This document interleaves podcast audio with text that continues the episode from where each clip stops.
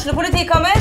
Ine Jansen er purk. Er du purk? The motherfucking bitch. Alt jeg vil, er å finne ut hva som skjedde med mannen min. Jon Carew. Er jeg sikta for noe? Iben Akeli. Det er du. Ole So, Lars Berrum og Big Daddy Karsten. Hvem sin side er du på, egentlig? Anette Hoff, Tone Danielsen, Kommer du fra Afrika? Jørnis Josef, Nesten. Kløfta. Trond Espen Seim, Det er synd å si det, men det var feil mann som døde. Purk. Premiere tirsdag på TV2 Play.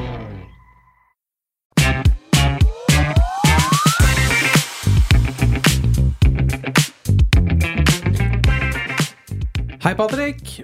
God dag, god dag, Jonas. Ny episode med På ballen. Eh, Alt bra med Patrick Holte? Nå er eh, alt bra. Nå har snøen gått i lia der jeg bor. Nå Ja, er eh, sola begynt å vise seg, så bare fryd og gammen. Så godt å høre. Og jaggu meg siden sist så har Kiel vunnet to fotballkamper òg. Ja, det er litt lettere stemning nå. Vi var jo litt dystre etter den famøse Hødd-kampen på Hjemslund. Men den er historie nå. Nå yep. har eh, Kiel levert varene. Fått med seg eh, seks eh, velfortjente poeng på to kamper, og alt er meget bedre. Meget bedre, det er godt sagt. Og en viktig ingrediens til at det kanskje har gått såpass godt som det har gjort, da.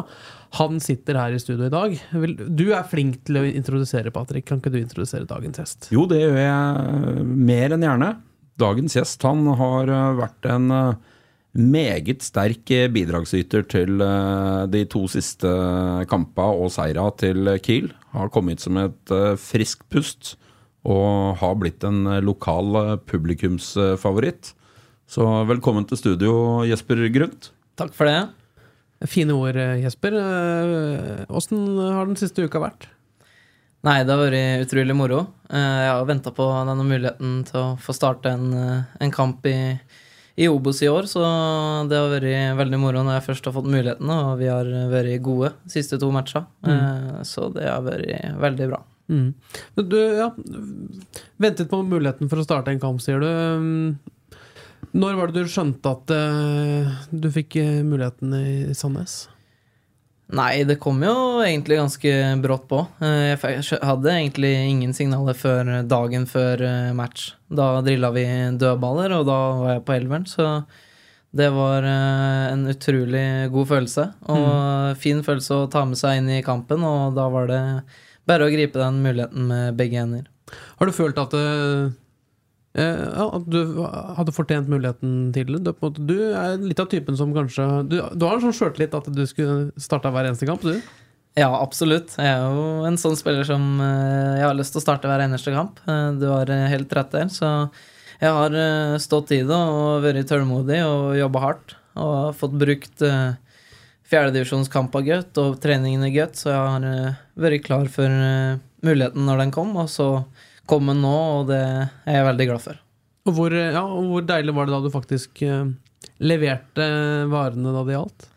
Er utrolig deilig. Eh, Det var jo en, eh, en kamp som betydde mye for meg, og for min del, egentlig. Det har jo vært, i minimalt med spilletid siden vi starta opp, så, så det at jeg fikk muligheten til å komme inn i elveren, og, og fikk den muligheten, da, da var det godt at jeg tok vare på den. Mm. Patrick, hva, hva er det Jesper eh, tilfører eh, Kiel?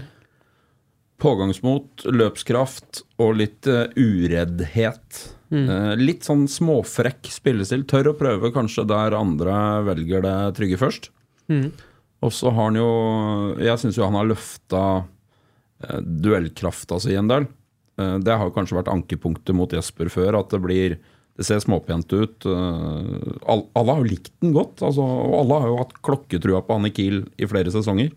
Og så fikk han et år i Moss, eller et halvår i Moss i fjor. Tror jeg òg gjorde det godt. Altså Litt ut, få litt andre impulser, litt annet seniormiljø. Og kommer han inn igjen nå, og det har jo aldri blitt stilt spørsmål rundt ferdighetene til Jesper, viljen til Jesper og, og, og, og, og egentlig evnene. Eh, og nå kommer han inn og har tatt for seg. Blir matchvinner i første matchen fra start mot eh, Sandnes.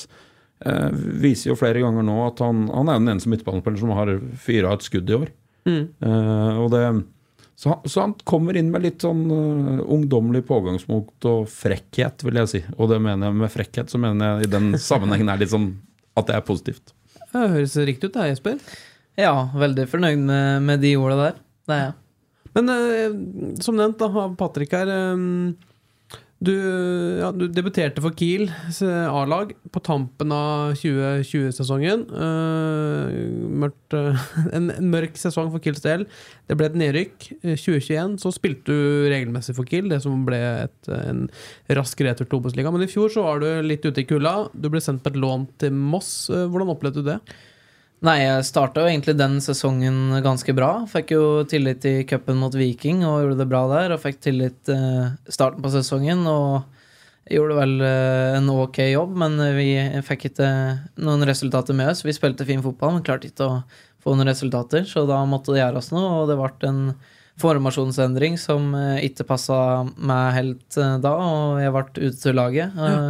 og det var vel 45 minutter sammen på sju kamper, og sju kamper på rad eh, med benk, så da eh, hadde jeg flere samtaler med både Espen og, og Mæland og, og Wemberg, så klart, og, og fant ut at eh, et utlån var den beste løsningen for alle, egentlig. Eh, og kom til Moss og hadde et utrolig fint opphold der. Fikk sett litt nye ting, være med på en helt annen treningshverdag. Eh, og fikk være med på et eh, opprykk, der som eh, betydde utrolig mye for eh, Moss eh, fotballklubb. Så det var eh, utrolig moro å, å være med på, og jeg tror jeg hadde det veldig godt å, å komme dit. Mm. Da var du med på to opprykk fra Post Nord på ett år, da, egentlig. Eh, Hva var, eh, hva var like, altså, Hvorfor gikk det så bra i Kiel eh, året før, og så klarte, du, og så, og så klarte Moss det samme året etter? Hva, måte, hva, hva var det som gikk riktig?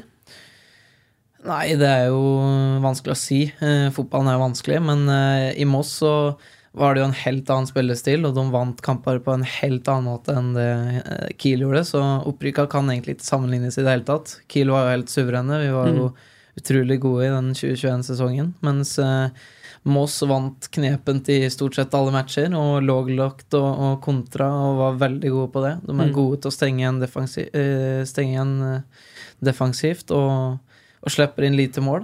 Eh, Så de vant, drog med seg poeng med knepne seire, og, og klarte til slutt å rykke opp med det, så det var imponerende måten de gjorde det på.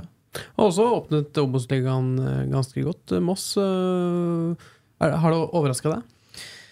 Eh, Både ja og nei, egentlig. Eh, Litt overraska over eh, noen av lagene de har slått, men de er såpass vanskelig å spille mot. Det så vi jo her på Hjemslund for noen uker siden, at det er et lag som er utrolig vanskelig å bryte ned, og med en gang de får en kontringsmulighet, så har de såpass gode enkeltspillere på topp at de kan skåre mål ut av ingenting. Mm. Så jo det mot oss på Hjemslund, så det er et lag som kommer til å bli vanskelig å slå, og spesielt på Melløs. Det er utrolig vanskelig å komme dit. Eh, mange supportere og mange som bryr seg om klubben, så det, er, eh, det blir tøft å komme dit.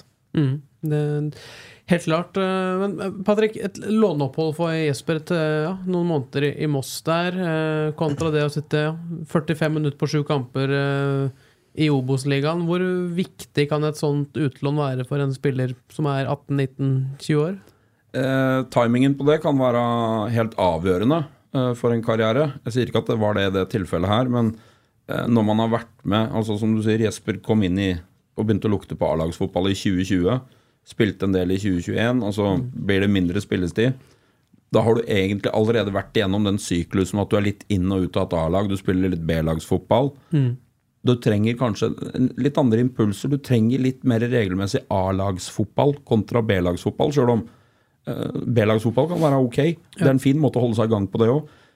Men for Jesper sin del så tror jeg det med nye impulser, se litt eh, annen spillestil, litt annen treningskultur Kanskje mm, Moss er ikke helprofesjonelle på samme måten som Kiel er. Altså, det, er litt forskjeller. Eh, og da kommer du Summen av de erfaringene og eventuelle refleksjonene du gjør etter det, gjør at du kommer tilbake eh, som en bedre spiller. Men ja, du kommer tilbake til Kiel uh, utpå høsten. eh, Kiel spilte kvalifisering mot uh, eliteseriespill. Så kom det en ny trener inn. Var det sånn at det, ved oppstart i januar, ny trener, blanke ark, Nesbø Grunn som var rimelig ivrig for å, på å vise seg fram, eller? Absolutt. Eh, Jeg hadde jo det i tankene hele tida, at eh, jeg skulle komme tilbake. Og, og, og så ble det jo blanke ark da, med ny trener der, så det var jo det var fint. Da har man blanke ark, og man har muligheter til å, å vise seg fram. Og jeg syns jeg hadde en eh, ganske god preseason, så jeg er eh, Nei, det var en eh, jobb som måtte legges ned. Og den, jeg gjorde den jobben og er veldig klar for å få muligheten. Også. Hva er forskjellen på Jesper Grunth anno 2022 og 2023? Hva, hva, slags utvikling har du hatt? Nei, jeg har jo, som Patrick var inne på i stad, fått høre at mye at uh, jeg gjør fine ting med ballen, men uh, jeg er ikke helt der jeg skal være defensivt. Uh, og det er, det er, noe jeg har jobba mye med. jeg har fått mye gode råd, og, og Vennberg blant annet har vært veldig på det her, og på meg på det, for det Nei, jeg har hatt noen steg å gå der, og da har jeg måttet tatt til meg det. og og jobba med, med, det. Så jeg syns jeg har tatt uh, større steg med det nå. Og de to siste kampene har jeg jo gjort den jobben defensivt og har ikke sluppet inn mål mens jeg har vært på bana, så det er jo veldig positivt for min del. Noe jeg har slitt med før, så det er godt at det, det kommer litt resultat på det. Mm. Hva er det ja, Det er et tett uh, kampprogram nå i mai. Det er en ny kamp allerede på lørdag. Da er det Koffa på bortebane, og så er det hjemmekamp på tirsdag 16. mai. Og så er det vel uh, liten pause, men så det, begynner det å bli noe NM-spill. Uh, hva, hva, er det som er viktig for Kiel nå for å fortsette den uh, go-en man har ja, bygd seg opp etter to kamper? Nei, jeg syns jo nøkkelord som vi har satt oss de to siste matchene, er energi. vi har kommet ut på med en helt annen energi de to siste matchene. Vi har hatt veldig fokus på det. Tidligere har vi hatt mer fokus på det offensive, og, og der vet vi jo at vi er gode. Vi er et bra fotballag, og vi, Eh, vi Ja, gode fotballspillere med ballen, men eh, det hjelper ikke i Obos-ligaen hvis eh, jobben ikke blir gjort. Så vi har hatt veldig stort fokus på det å komme inn med en energi og duellkraft og løpsvilje og, og alt dette her. Og det har vært bra de to siste matchene, og da ser du at vi er et bedre fotballag enn både Jerv og Sandsulf, som mm. jeg syns. Så vi må bare fortsette å holde det gående, så tror jeg det blir moro i år. Så stikkordet er energi på lørdag òg? Absolutt. Eh, da møter vi jo Koffa, som ikke har gjort det like bra som, som forventa. Eh, de eh, er jo tippa høyere på tabellen, de, så Men det er vanskelig å si starten på en sesong. Det går litt tid før ting skal sette seg. Det er sånn det er. Det er en kokosliga, så det er ikke, det er ikke mange poengene som skiller topp og bunn, topp og der. Så det er uh, jevnt og tett, og det er det i alle matcher. Og mm. da er uh, energien veldig viktig. Mm. Energi, Patrick. Uh, det var det kanskje det vi savna litt etter et par av kamper helt i begynnelsen her. Vi har jo sett en liten endring der. Hva tror du har vært avgjørende? Det er alltid litt grann altså, Ting må sette seg litt. hvis vi ser helt uh, objektivt på sesonginnledningen til Kiel, så, så møtte de Bryne i mm. serieåpningen. Det var uh, uvante forhold for oss uh, innlendinger med vind og det preger. der er Kiel ok i en omgang, dårlig i en omgang. Så kunne ha fått med seg et poeng. Så vinner man oppskriftsmessig hjemme mot Mjøndalen. Da så det ut som Kiel hadde en del energi. altså Da er man over Mjøndalen. Man klarer å stå høyere, man får gjenvinningene høyere i banen. Og så taper man jo borte mot Kristiansund, som eh, heller ikke var en sånn festforestilling fra Kiel sin side. Manglet, var litt flatt, kanskje. Eh, men ikke noe stort sjokk, det heller. Kristiansund har jo vist fra og med den kampen at de har jo gjort rent bord. Og så kom Hødd-kampen, og det er jo fort den vi snakker om som var energiløs. Ja. Et Kongsvinger-lag borte mot Sandnes Ulf, et Kongsvinger-lag hjemme mot Jerven var jo ikke energiløse i det hele tatt. Så jeg er litt sånn uh, la ting gå seg til, men det er viktig å ha fokus på det internt. Og, og, og, Jesper, blant annet, altså hvis du ser litt på sammensetning, hvordan Kiel har hatt oppstillinga de siste matchene nå De to siste matchene som de har vunnet begge, så har du hatt Harald Holter som har stabilisert midtbanen. Så har du jo to uh, harabikkjer på hver sin side av han nå, altså med Vinjord og, og, Jesper, som, som, har masse energi i spillet sitt.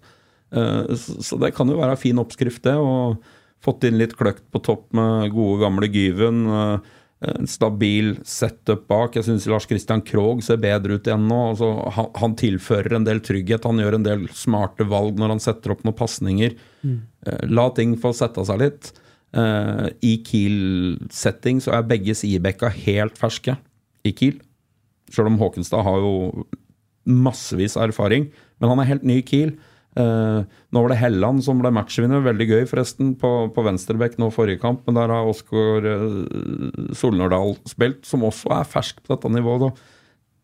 Ting må sette seg litt grann, for, eh, for laget. Og det er det i ferd med å gjøre nå. og da ser du glimtvis potensialet til Kiel når angrepa sitter. Du får eh, eh, du får dytta opp, du får dytta tilbake, du får flere bevegelser samtidig. Da er Kiel ganske tunge å spille mot.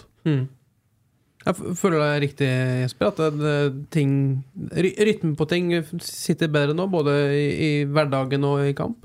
Ja, det begynner jo å sette seg nå, og du ser det på de to måla vi skårer nå mot Jerv. Det er jo to klasseangrep. eh, og det er liksom opp tilbake gjennom innlegg, scoring, så det begynner å se, se bedre ut eh, med, med det offensivt da. Så det begynner å sette seg nå.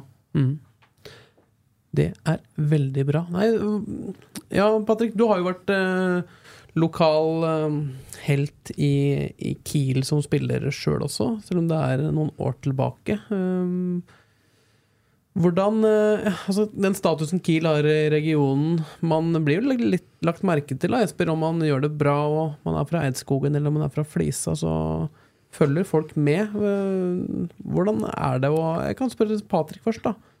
Du har jo skåret noen uh, viktige mål for Kiels del. Uh, hvordan er det å på en måte være lokal i Kiel?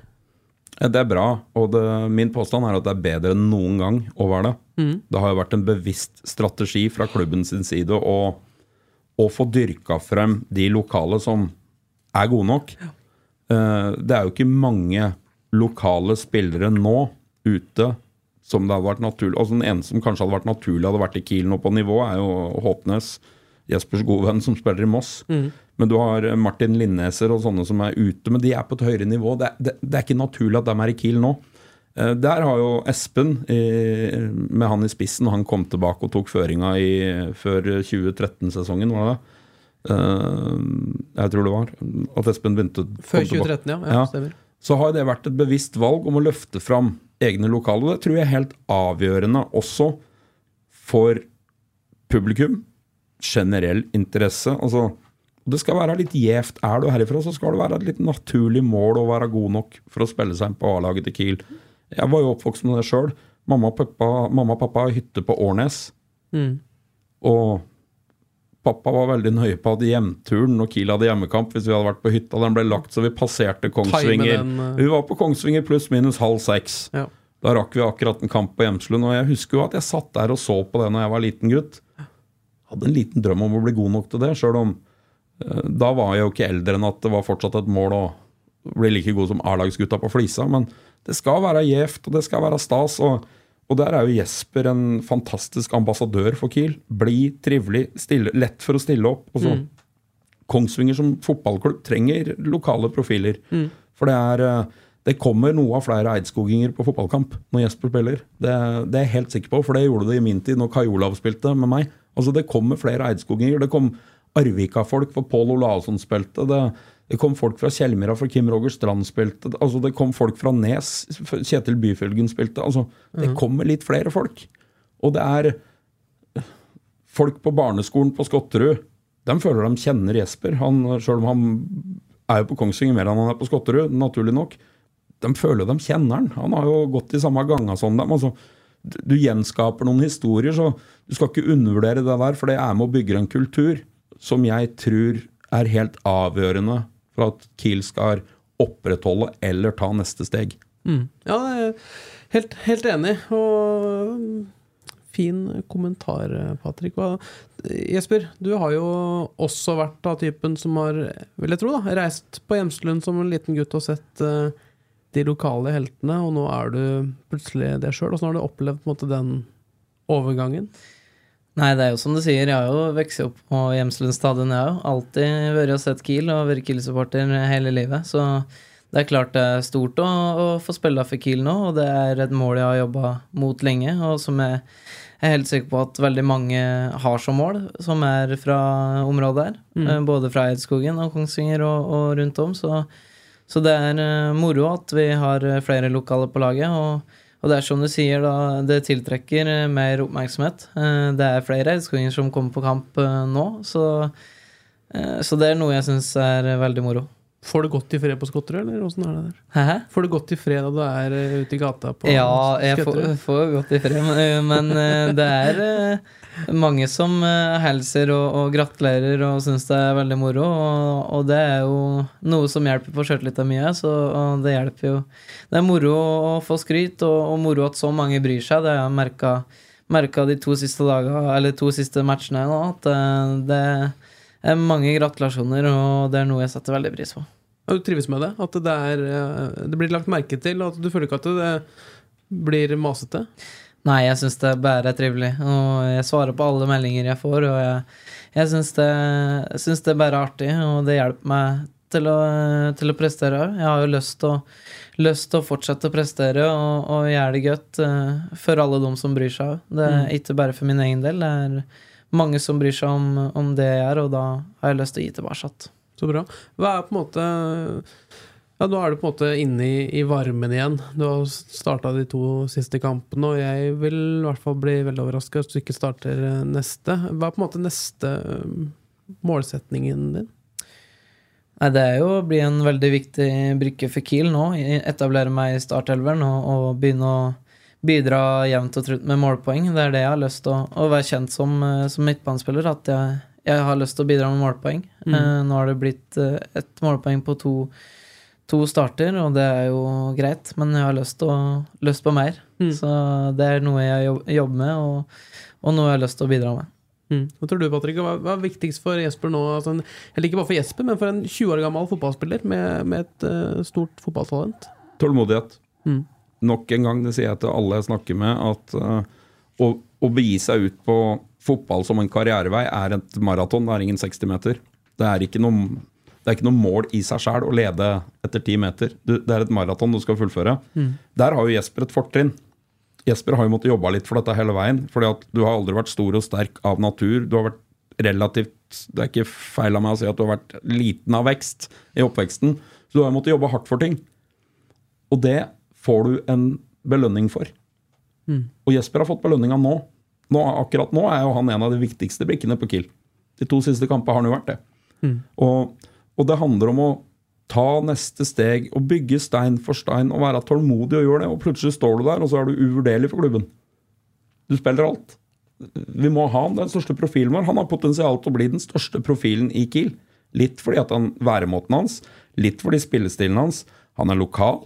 Altså, det er masse ting som taler Jesper sin sak her. Eh, så det blir spennende å se. Og så er det å mane til tålmodighet. Ting tar tid. Eh, og må være klar over at allerede mot K5 så kan det gå stalpe ut. Det er en del av det livet her. Men, eh, men Jesper har alle forutsetninger for å kunne bli en nøkkelspiller for Kiel, eller eh, gjerne videre også, for, for den saks skyld. Eh, Det er jo ikke noe, det er ikke noe begrensninger på hans ferdighet, så lenge han er bevisst på hva han må jobbe med.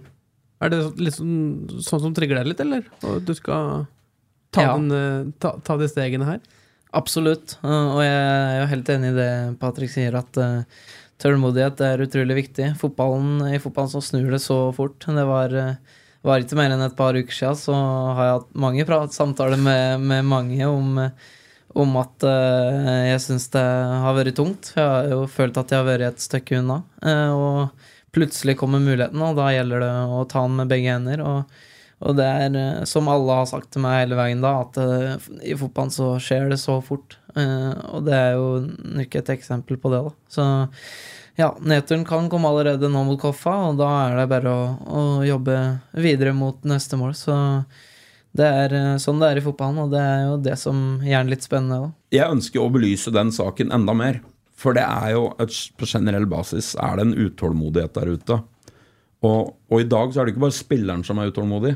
Det er familier, det er venner, det er eh, alt som kan krype og gå. Altså, Ref den saken du satt og leste i stad, med Per, eh, med per Joar Hansen. Ja, Altså, ja, ja. Du har jo Media kan eh, Hvis vi hadde sittet her i podkasten, eller eh, noen andre hadde begynt å få ham på banen, så kan det være sjelig gode grunner til at ikke han spiller. Det kan hende at huet hans ikke er på rett sted i 14 dager, for det er ikke unormalt med en 20-åring, det heller. Altså, Det er så mye faktorer som jeg ønsker å egentlig belyse rundt det, som jeg jo, vi kan intervjue Jesper litt om. Altså, Jesper har gått et utdanningsløp som sier at han var i Eidskog. Så kom han til Kiel som 15-åring og begynte på gutter 16-laget her. Så begynte han på NTG. Altså, han har jo vært igjennom noen år med god trening før han begynner å høste av det nå.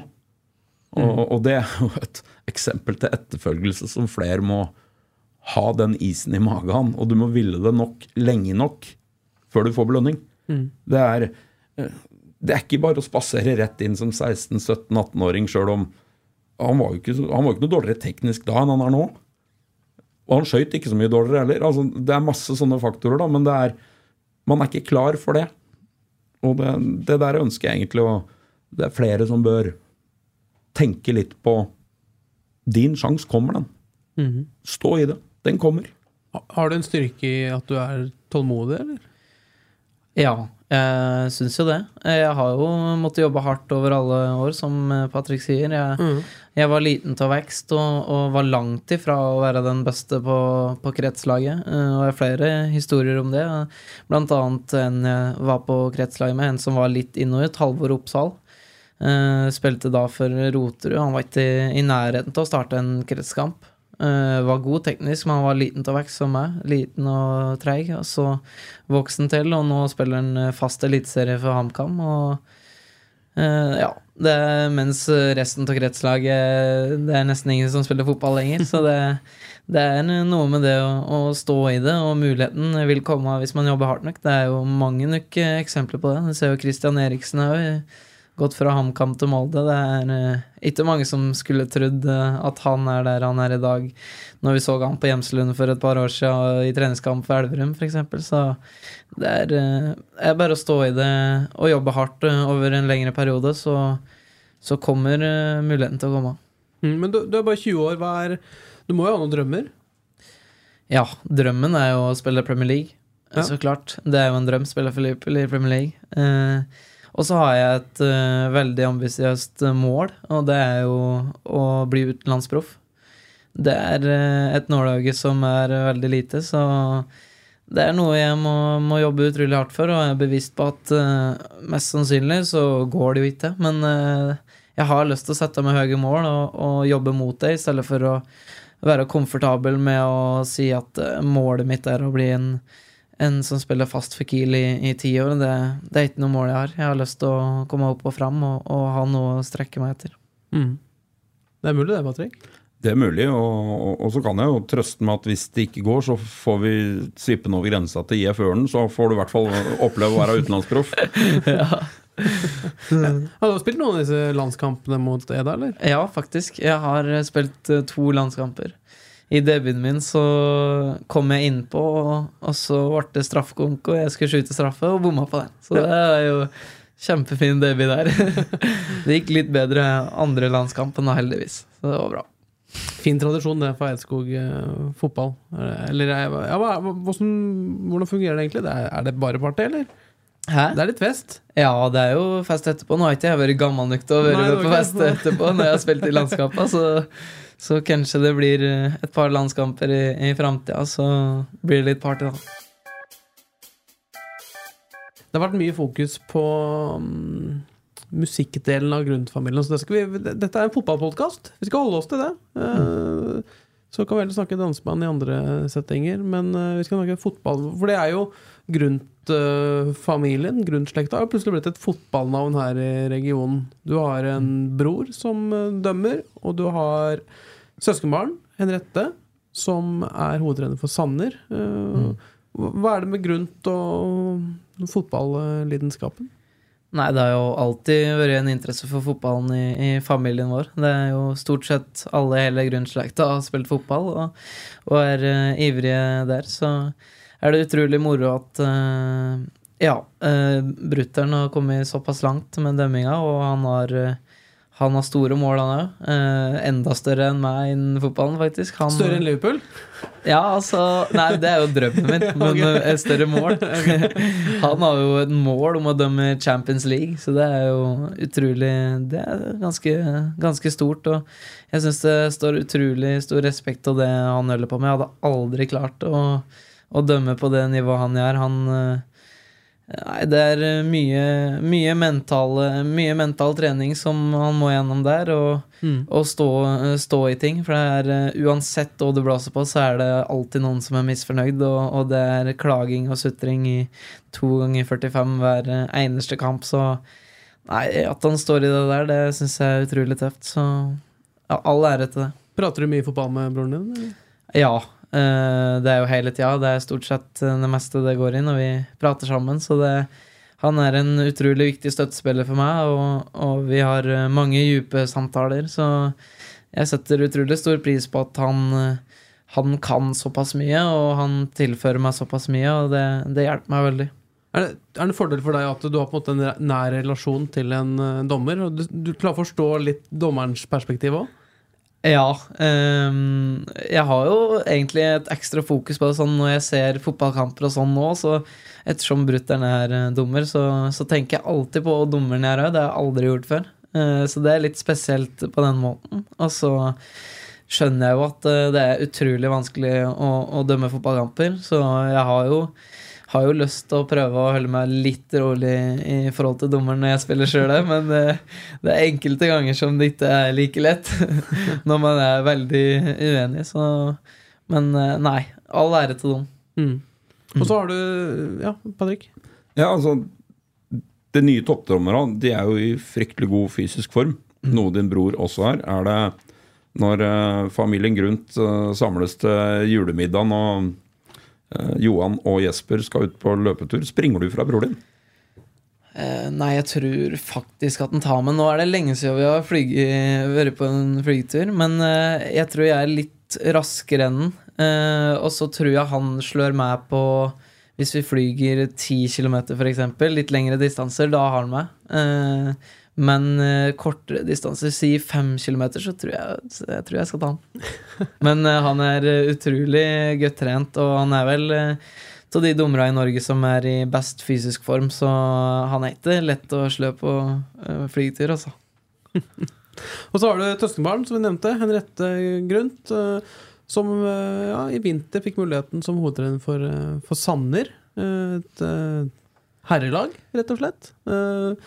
Hva er det Ja, fortell litt om Henriette og den eh, hoved... eh, Den trenerrollen hun eh, har Ja, den trenerveien hun har tatt. Ja, nei, det er jo òg noe jeg har veldig respekt for. Det hun har gjort med Sanner hun, Jeg har faktisk vært og sett på dem de to første seriekampene, og det har vært i seks poeng, det. Så det er skikkelig moro å se at hun, hun har tatt den jobben, først og fremst. Det er eh, ikke alle som hadde turt å gjøre det, tror jeg. Det er, eh, er jo ikke så lett å være jente og skal inn i herrefotballen og, og, og få respekt der. En hovedtrener er avhengig av respekt for å holde styr på spillere, så det syns jeg er utrolig, utrolig sterkt, det hun, hun får til. Og, og Nei, jeg er veldig imponert. Ja, det, er, det er ikke mange kvinnelige hovedtrenere i herrefotball. Det kan vel telle på to fingre, kanskje? Ja, det, er- det er ei i toppfotball. Ja. Eh, Det er jo kvinnelig hovedtrener i Sotra. Ja. Mm. Men diskuterer du fag i fotball med Henriette? Ja, eh, jeg er jo det. Eh, Hun, eh, når hun eh, tok eh, utdanninga si, så had, eh, spurte hun meg om eh, råd, blant annet. eh, Om øvelser og hva man skal ha fokus på i de forskjellige situasjonene og sånn. Og, og hun lærer til meg, og jeg lærer til henne, og det syns jeg er, eh, er veldig moro. da, At eh, jeg kan ha en, eh, en samtale om fotball med eh, Henriette, da, og hun har så mye kunnskap. Det, det er ikke alle som har den muligheten, og det er jeg veldig glad for. Og hun kommer til løs iblant og ser fotballkamper, og, og det er veldig, veldig morsomt. Yes, for jeg- legger jo merke til når vi er på Hjemslund, Jonas Vi sitter jo godt forankra oppe på pressetribunen der, der det er um, kaffe og vafler. Det er jo det er Der- viktig der er for det er viktig, er viktig, viktig for medprogramlederen min her, eh, Krabbeseth, at det er eh, Mm. varm kaffe og vafler tilgjengelig. Men det kommer jo alltid en delegasjon opp på tribunen. Og der alle har samme etternavn, Grunt. Ja. Det er en eh, ja, men det er jo en utrolig fin støtte. Altså Det kommer mor og far, det kommer søster, eh, bror hvis han ikke er opptatt sjøl. Det kommer Henriette er der. Mm. Jeg ser onkler, jeg ser tanter. Det er jo, det er jo en lidenskap for fotball i familien Grunt som er Jeg syns det er artig å se, for hele klanen kommer opp, de setter seg. Og de er lidenskapelige patrioter. De er eh, veldig fornøyde når Jesper spiller, men det er jo noe, det er noe betryggende og noe godt å ha en hel storfamilie i ryggen. Altså. Absolutt. Det er jo trygt og godt, og, og de er der og støtter meg hele veien. Og det er noe jeg setter utrolig stor pris på. Eh, Forrige heimekamp så klarte de faktisk å dra med seg 90 år gamle farmor på kamp òg, så det er eh, utrolig moro. Og det er noe jeg setter ekstra pris på etter etter vi går til banen og vender mot Jerv der, og så går jeg ut til portene, og der står hele gjengen. Det er jo eh, opp mot tosifra der hver gang omtrent, som jeg går ut og, og klemmer og, og prater, med, prater med. Så det er eh, veldig godt for meg, og det er noe jeg setter veldig stor pris på. Dette her åpner jo nye forretningsmuligheter på Eidskog. Også Kjetils bussreiser, som nå er stasjonert på Skotterud, har jo mer enn nok snart med å få kjørt familien Grunt på, på hjemmekamp. Det er jo herlig, Jesper. Det skaper entusiasme. Det med Grunt-bussen. Grunt-bussen. ja, den er kanskje klar til neste hjemmekamp. Ja, nei, men det er og, og det er jo en forlengelse av det vi snakka om i stad, i forhold til det med å ha lokale profiler på laget. Og, og jeg er veldig klokkeklar i min tale på at du må være god nok sjøl om du er lokal. Altså, det, er ikke, det er ikke noe veldedig prosjekt A-laget til Kiel, bare så alle lyttere forstår det, for det er det ikke rom for. Men det er ekstra gøy når en lokal gutt tar steget og er god nok. Det skaper, det skaper en, en stolthet. Folk er litt ekstra stolte og krye over at det er en av våre egne som har klart det. Og, og, og en forlengelse av det er jo at nå flyger du jo rundt gutter og jenter på Eidskog og tror at dem kan bli den neste Jesper Grunt. Det er jo sånn de effektene her vil vedvare. Sånn vokste jeg opp. Jeg hadde en tre år eldre sambygding som klarte det, Eirik Dybendal. Det var jo utrolig stas når han var hjemme igjen. Eh, når han hadde, Først var han i Elverum, og så gikk han til, til Kongsvinger. Altså Det var utrolig gøy når han tok seg en halvtime på Løkka med oss gutta og spilte med oss.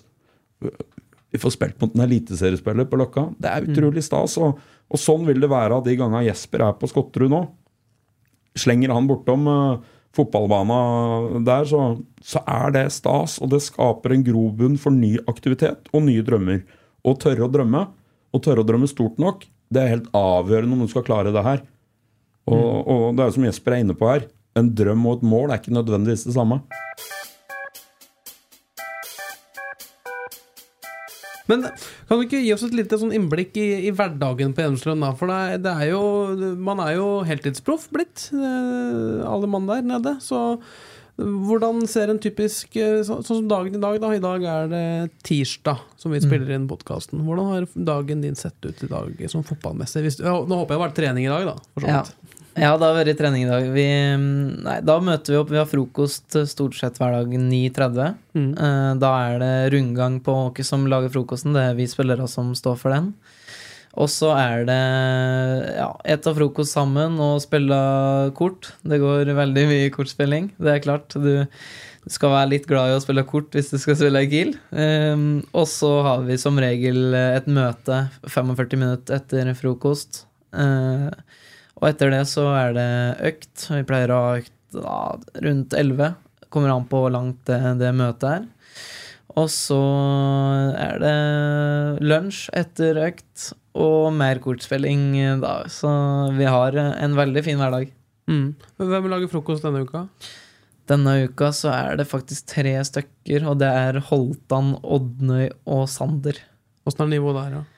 Nei, det er jo en grunn til at de har vært i tre som er satt sammen. For egentlig pleier det å være to. Eh, Så det er jo fordi de tre har litt dårlig nivå på den frokosten. Av det svakeste, eller? Ja, de er til de svakeste, uten tvil, så da måtte jeg sette de tre sammen da, for å håpe at eh, det hjelper med en mann ekstra der, og at de klarer det denne uka. Det var bra i dag, så jeg var fornøyd i dag. Du som setter det sammen? Er du Ja, jeg er, eh, har vært i botsjef i år, Aha. eh, så da sammen med Sander og Holmé.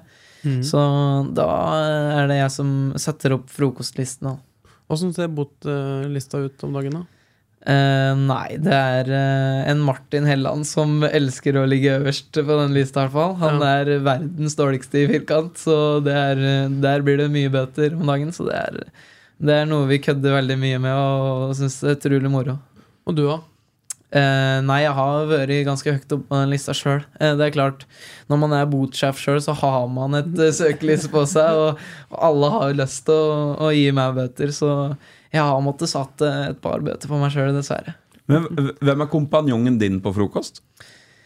Kompanjongen min, vi er et uh, fint bord der med uh, Ja, Sånn Som lager frokost? Oh, ja, ja, For, ja, ja, for så ettersom nå var det en gjeng som var tre, hvem er, men, men du er så god til å lage frokost at dere er bare to. Ja, det er klart. Det er jeg og Smeplass. Uh, så der er det kvalitet. Hvordan fordeler du arbeidsoppgavene da? Eh, Da lager Smeplass graut. Eh, Havregraut. Og så kutter jeg opp grønnsaker, og ordner kaffe, og så ordner egg, da. Koker egg. Mhm.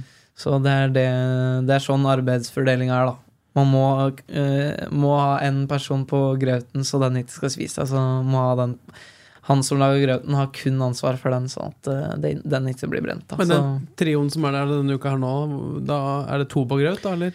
Eh, da er det Du får fordele det som du vil. Enten så kan du eh, møte opp bare to, og så en får fri, og så bytter du om på dager. Eller så er det jo sosialt og, og trivelig at alle tre møter opp, og da er det jo bare eh, to stykker som er på resten av alt annet, bortsett fra grauten. Så da er det litt avlasta der. Hvem er sterkest på kjøkkenet på frokostlaging av eh, årets eh, Nei, jeg må jo si kompanjongen min Smeplass. Da Han er utrolig god på den uh, havregrauten. Han uh, brenner den aldri, og den eh, smaker helt perfekt hver gang. Så der er han god. Er det derfor han er så eh, Men han må ha ete mye graut, for han er jo stor og sterk. ja, han har nok spist mye og laga mye graut, så, så det er jo derfor jeg har satt meg sjøl sammen med han, så klart. Så, så han så jeg ikke skal få noe bøter pga. at kompanjongen min er dårlig på å lage graut. Så det er uh, kynisk og fin der å sette meg med Smedplass. Men jeg skulle jo tro at det var en del av de eldre gutta i stallen som burde ha et uh, fortrinn på det med å lage frokost, som uh, timer det med å koke egg. Altså, er det, hvordan er det blant de eldre nå? Adem da, han driver restaurant midt oppi der. Ja. Nei, eh, stort sett så er de aller fleste ganske gode på den frokosten. Vi har jo hatt det i flere år nå, og, og det er noe som har gått igjen. Så det Stort sett så er de aller fleste gode på det, og, og ja, veldig få som mislykkes der. Ja, synd, for nå håpa jeg at vi kunne få en avsløring rundt det. Det, det, har, det, har, det har kokt over med noe grøt eller svidd seg litt noen ganger. Vil jeg, det Ja. veit jeg det har gjort. Ja, så det er jo gjerne de som er nye, da, eh, som eh, sliter med det i starten. Sånn holdt han f.eks. helt forferdelig på å koke egg når han kom. Så, så det var Forferdelig på å koke egg. Ja, det er jo godt gjort. Det er jo, Ja. Men uh, han lot vel stå og gå i 13 minutter på hardkoking eller et eller annet, så ja. da var det jo ikke etende etter det. Så det var jo helt topp. Men, men du er mer på rundt omkring ni minutter, eller? Um, nei. Smilende. Eh, jeg er eh, rundt sju-åtte. Åtte. Jeg liker dem litt, Litt, sånn litt, myk, litt grann mykere? Ja, Ja. det syns jeg er best. Kak, kakke med å spise det med skje istedenfor å ha det på brødskiva, rett og slett?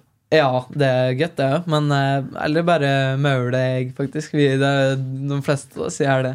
Ikke bare, jeg har det ikke bare på pressa, men mauler seta. så det mye info. Ja, ja, dette er, men dette er viktig info å, å få med her, altså. Veldig, veldig bra. Men eh, ja, eh, du, du nevnte et, eh, et møte etter frokosten. Hva, hva, er innholdet der? Er det på en måte treningsuka, neste kamp, forrige kamp, eller hva, hva brukes tida på? Det er jo egentlig alt det du er inne på der. Ehm, Det er jo alltid Vi har alltid klipp og analyse fra kampen vi har spilt, og så er det alltid analyse inn mot neste motstander. Mm. Og det kommer jo så klart de dager før vi, vi møter den motstanderen. Så gjerne de dager etter vi har spilt en kamp, så er det å gjøre oss ferdig med den kampen med litt klipp, og så er det inn mot uh, neste motstander nærmere uh, desto nærmere vi kommer kampdag. Da. Mm, så du veit allerede nå en del om uh, hva Kiel møter på lørdag?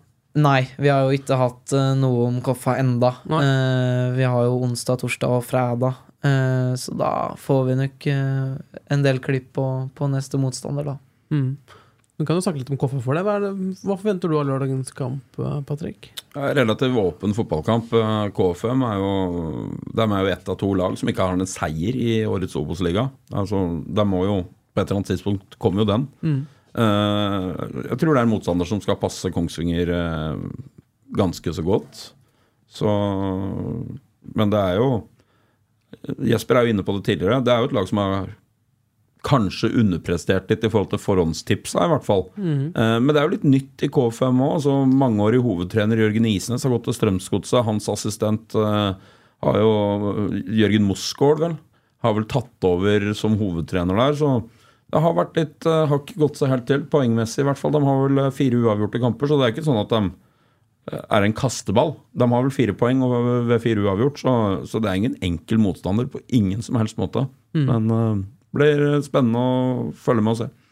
Kommer nok mye Kongsvinger-folk på, på kamp, eh, med en samling, eh, leste jeg, for supporterne litt før der, og litt liv på tribunen. Det må jo være med på ja, gi en ekstra fin ramme rundt kampen, Jesper. Absolutt. Eh, Det hjelper jo på det. Eh, Det var utrolig bra på høstsesongen i fjor. Så begynte det å, å, å bli mer interesse rundt klubben og flere folk på kamp, og, og du ser jo det hjelper jo utrolig mye. Så Mm. jeg håper at så mange som mulig tar turen til, til Ekebergsletta og heier på oss mot uh, Koffa på lørdag. Men det, det kommer to biler fra Eidskogen der alle heter Grunt. Ja, i hvert fall. I hvert fall to. Nei, uh, men uh, nei, mamma og pappa har sagt at de skal ta turen, i hvert fall. Og så, med mindre Henriette har noe annet eh, på kalenderen, så skal vel hun stille opp. Hun pleier å gjøre det, så, så er det jo Nei, så det er eh, morsomt. Du kjenner jo nå to Obos-klubber veldig godt. Altså, du kjenner jo Kongsvinger eh, veldig godt, og du kjenner jo Moss, som du var i fjor, veldig godt. Hva er de store fortrinna, eller hva, hva er den store forskjellen på de to klubba, hverdagen i de to klubba? Eh, Det er jo en helt annen hverdag i Moss. I Moss så er det treninger på ettermiddagen. Eh, eh, Rundt eh, firetida hadde vi da i fjor, da, for at folk skal rekke å jobbe før det.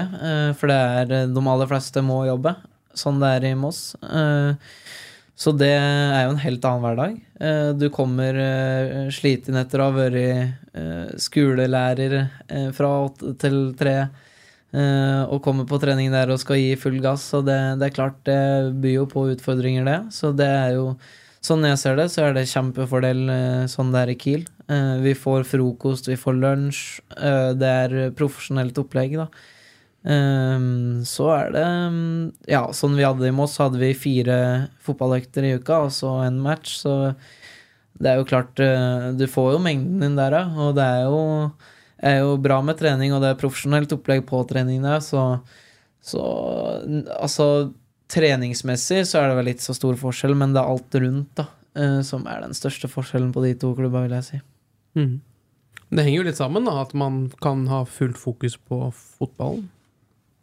Ja, absolutt. Eh, det er jo det er jo klart det er ikke ideelt å, å jobbe åtte til tre, og så skal du på en Obos-trening og, og gi full gass. Du er ikke helt uthvilt, og du er ikke helt 100 av, så, og så blir du sliten etter en arbeidsuke. Jeg regner med at de to er litt uh, er slitne etter en uke, de òg, så det er jo sånn Det er jo samme for dem. Så, og i tillegg så skal de prestere uh, på en såpass uh, god arena, da. Det er jo det er jo ikke bare bare å spille Obos, så det er, er noe det står respekt av, altså. Hva, hva gikk um, formiddag og tidlig ettermiddag til for din del, At du var den der nede? Nei, det ble jo en helt annen hverdag for min del òg. Jeg prøvde jo å, ha en eh, ordentlig døgnrytme, og, Og hadde som regel en gymøkt før hver eneste trening, eh, som jeg måtte gjøre på morgenen da, eh, før. For hvis jeg skulle gjort den på kvelden etter en fotballøkt, så var jeg gjerne litt sliten, og, og tid, ja, det ble jo begrensa med tid òg, så Ja. jeg måtte gjøre unna en styrkeøkt før eh, fotballøkt, og det er jo veldig annerledes i forhold til sånn det er her, så jeg måtte jo switche de to øktene, og det var jo kult å, kult å få oppleve det òg. Mm. Mm. Vi nærmer oss snart timen her, så jeg tenkte vi må prøve å, prøve å runde av litt her. Patrick, jeg pleier jo alltid å spørre deg om du har noe mer på hjertet. Tommel opp ifra forrige Kiel-kamp. eh, 2-1-seier mot Jerv. Hva er, hva er tommel opp fra sist? Nei, tommel opp fra sist er jo rett og slett eh, at eh, Kiel har eh, for første gang i år gjenskapt to prestasjoner etter hverandre. Mm. Eh, en solid bortematch mot eh, Sandnes og en eh, jevnspilt første kvarter 2025 eh, mot Jerv. Og så syns jeg Kiel dominerer eh, siste kvarteret inn mot pausa. Eh, og poenga blir fortjent igjen på Jømslund. så det er vel tommel opp. At Kiel har for første gang i år spilt to gode fotballkamper etter hverandre. Mm. Tommel ned, da? Tar jeg det litt på senga, som det heter? Ja, tommel ned. Eh, nå må jeg tenke meg om om jeg finner noe tommel ned. Eh, nei, jeg Jo, tommel ned må jo være at Kiel fikk årets første røde kort. Ja. Brage Berg Pedersen. Eh, jeg har ikke sett så nøye på video etterkant eh, om det er riktig eller feil. Det får eh, bror til eh, dommer Grunt eh, svare på. Har han uttalt seg? Nei, jeg har faktisk ikke spurt den om, eh, om det røde kortet, men eh, når du ser det på video, så Det ser jo Ja, det er jo vanskelig å si, men eh, man kan ikke være så veldig uenig i det dommeren velger å gjøre der. Når han først drar opp det røde, så er det vel, er det vel greit, sjøl om vi ser det med Kiel-øyne. Diskuterer dere mye VAR, du og din bror? Ja, eh, vi diskuterer jo dømming stort sett hver gang vi, møtes, og, og jeg spør alltid han om ulike situasjoner som jeg ikke kan fatte og begripe åssen blir dømt sånn, og da har jo han gjerne et, et fornuftig svar på det, og da føyer jo jeg meg så klart da. Jeg velger ikke å diskutere med han på det, men eh, nei, når det kommer til Han fikk faktisk sin første VAR-opplevelse nå Han var fjerdenummer på søndag med Tromsø-Odd.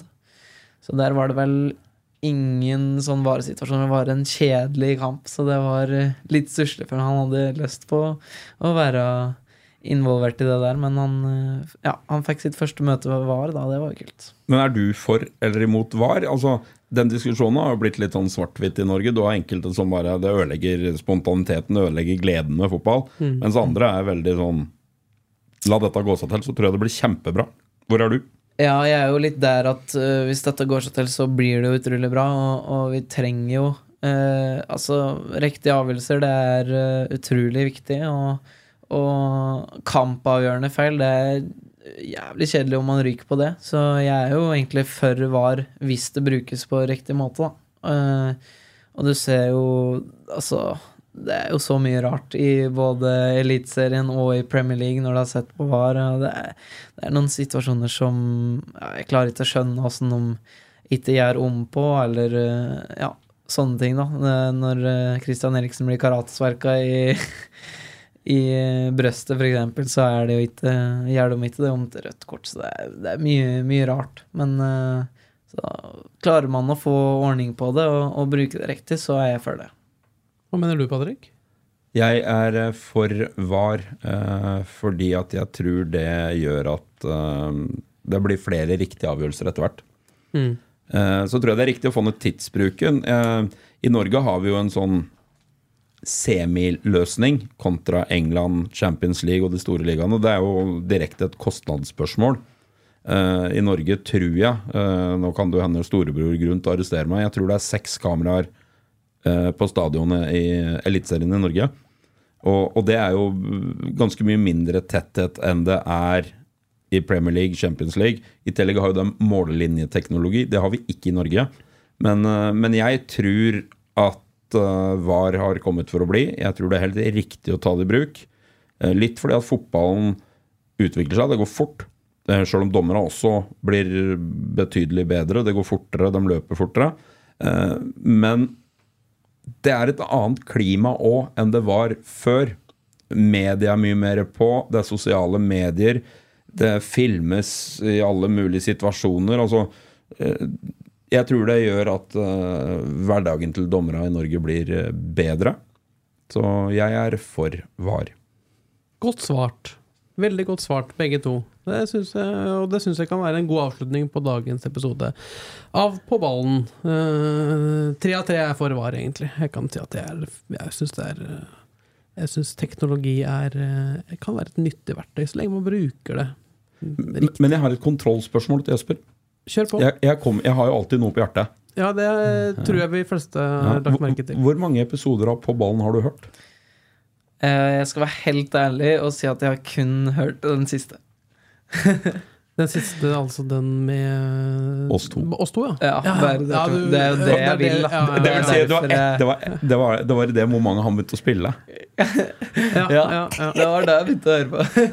ja, for da snakker vi om deg. Ja. Ja, ikke sant. Det, Nei, det var mest for å høre Dør 2 aleine. Jeg ville ikke ha en gjest, liksom, så jeg ville høre det. Fokus på det. Ja. Ja. Jeg er for så vidt enig i at det, Mm. Det er godt å høre, Patrick, at eh, det kan funke bare med oss òg, kanskje. Det er opp til dere lytterne å avgjøre. Men hyggelig at eh, dere igjen var med på en episode med På ballen. Tusen takk til Patrick, og ikke minst tusen hjertelig takk til Jesper, som tok deg tid til å komme innom studioet vårt. Så kan vi la det bli siste ord for i dag. Takk for nå. Har du et enkeltpersonforetak eller en liten bedrift? Da er du sikkert lei av å høre meg snakke om hvor enkelt det er med kvitteringer og bilag i fiken, så vi eh, gir oss her, vi. Fordi vi liker enkelt. Fiken superenkelt regnskap.